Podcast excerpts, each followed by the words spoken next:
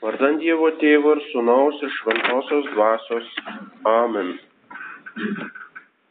Nebijokite, aš tai jums skelbiu didį džiaugsmą. Šiandien Davido mieste jums gimė išganytojas, brangus tikintieji, žymus austrų dailininkas Josef von Fürich, vadintas teologų su pieštuku rankose, buvo daugelio bažnyčių dekoratorius, tapydavo paveikslus altoriams, kryžiaus kelius.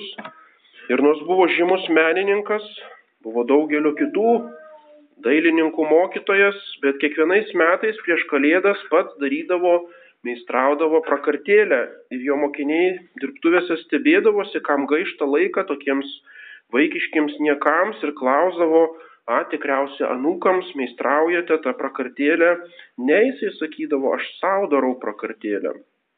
Ir tada jis papasakojo istoriją nuo vaikystės, kasmet darydavo prakartėlės, bet 16 metų jam kilo mintis, kad jau laikas baigti tą vaikišką užsiemimą, jis jau suaugęs. Ir tada jis patyrė tokį kaip atsivertimą, tokį mistinį patyrimą, išgirdo viduje Jėzaus Kristaus balsą, kad jūs žinotumėte apie mano didybę, jei aš dėl jūsų ką jūs žinotumėte apie mano didybę, jei aš dėl jūsų nebūčiau tapęs mažas?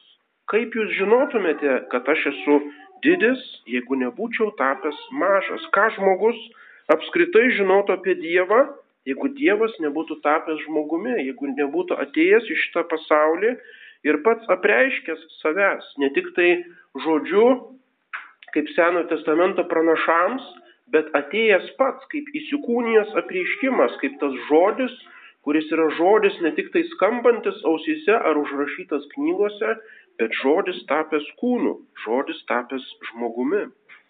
Šventasis Jeronimas, bažnyčios mokytojas, buvo vienas mokyčiausių to meto žmonių.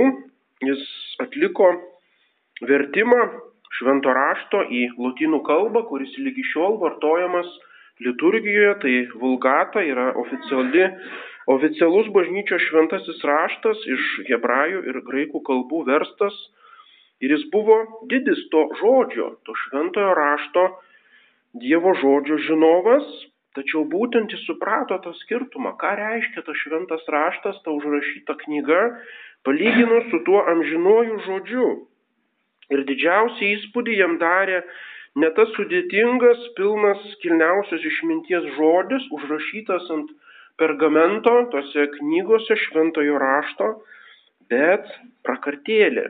Ta žvilgsnis į prakartėlę, į tą varganą grotą oloje prie Betlėjaus miestelio, kurioje gimė išganytojas. Ir pradėjęs savo vienuolinį gyvenimą, Jeronimas nerado geresnės vietos savo celiai įsirengti, kaip šalia šitos grotos, kur nuolat galėjo mąstyti apie Dievo sūnaus įsikūnymą. Ir Betliejuje Jeronimas praleido 30 savo gyvenimo, paskutinių savo gyvenimo metų, čia jisai mirė ir Jeronimo kapą galima aplankyti grotoje Betlėjaus bazilikoje. Taigi jis suprato, kad tai yra tikrasis žodis, tasai, kuris būtent toje vietoje tapo kūnu, kuris, kuris gimė dėl mūsų išganimo. Ir tokia yra Dievo pedagogika, toks yra Dievo pamokymas žmonėms, jis yra lyg mokytojas, kuris bando mokiniams išaiškinti teoriją, žodžiais, apibrėžimais ir galiausiai matydamas, kad jie nieko nesupranta, jisai meta knygą į šalį ir ima kažką braižyti arba piešti ant lentos, kad vaizdžiai parodytų mokslo tiesas, kad iliustruotų tai, ką jisai skelbia.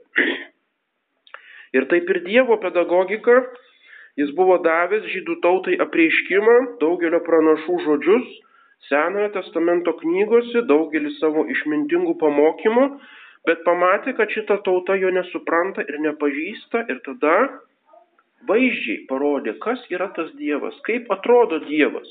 Tai yra Jėzus Kristus, regimo pavydalu pasirodęs žmonėms, pačiu savimi akivaizdžiai parodęs, koks jis yra ir ko jisai nori.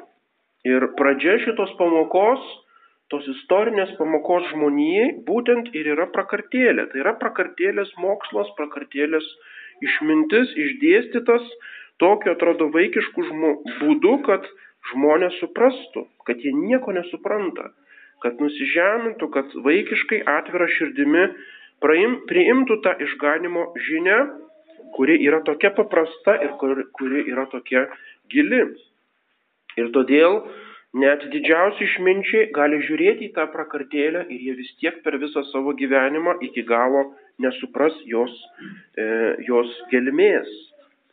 Kaip vienas žymiųjų vokiečių teologų Partmanas yra parašęs, prakartėlė yra beveik tiek pat gili paslaptis kaip ir kryžius. Ką mes suprantame apie kryžių? Kaip galėjo Dievas leistis nukryžiuojamas dėl žmogaus?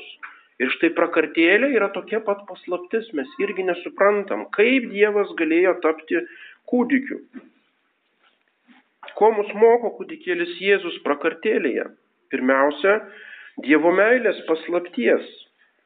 Šventasis Petras aukso žodis rašo, jis panorėjo taip gimti, nes panorėjo būti mylimas.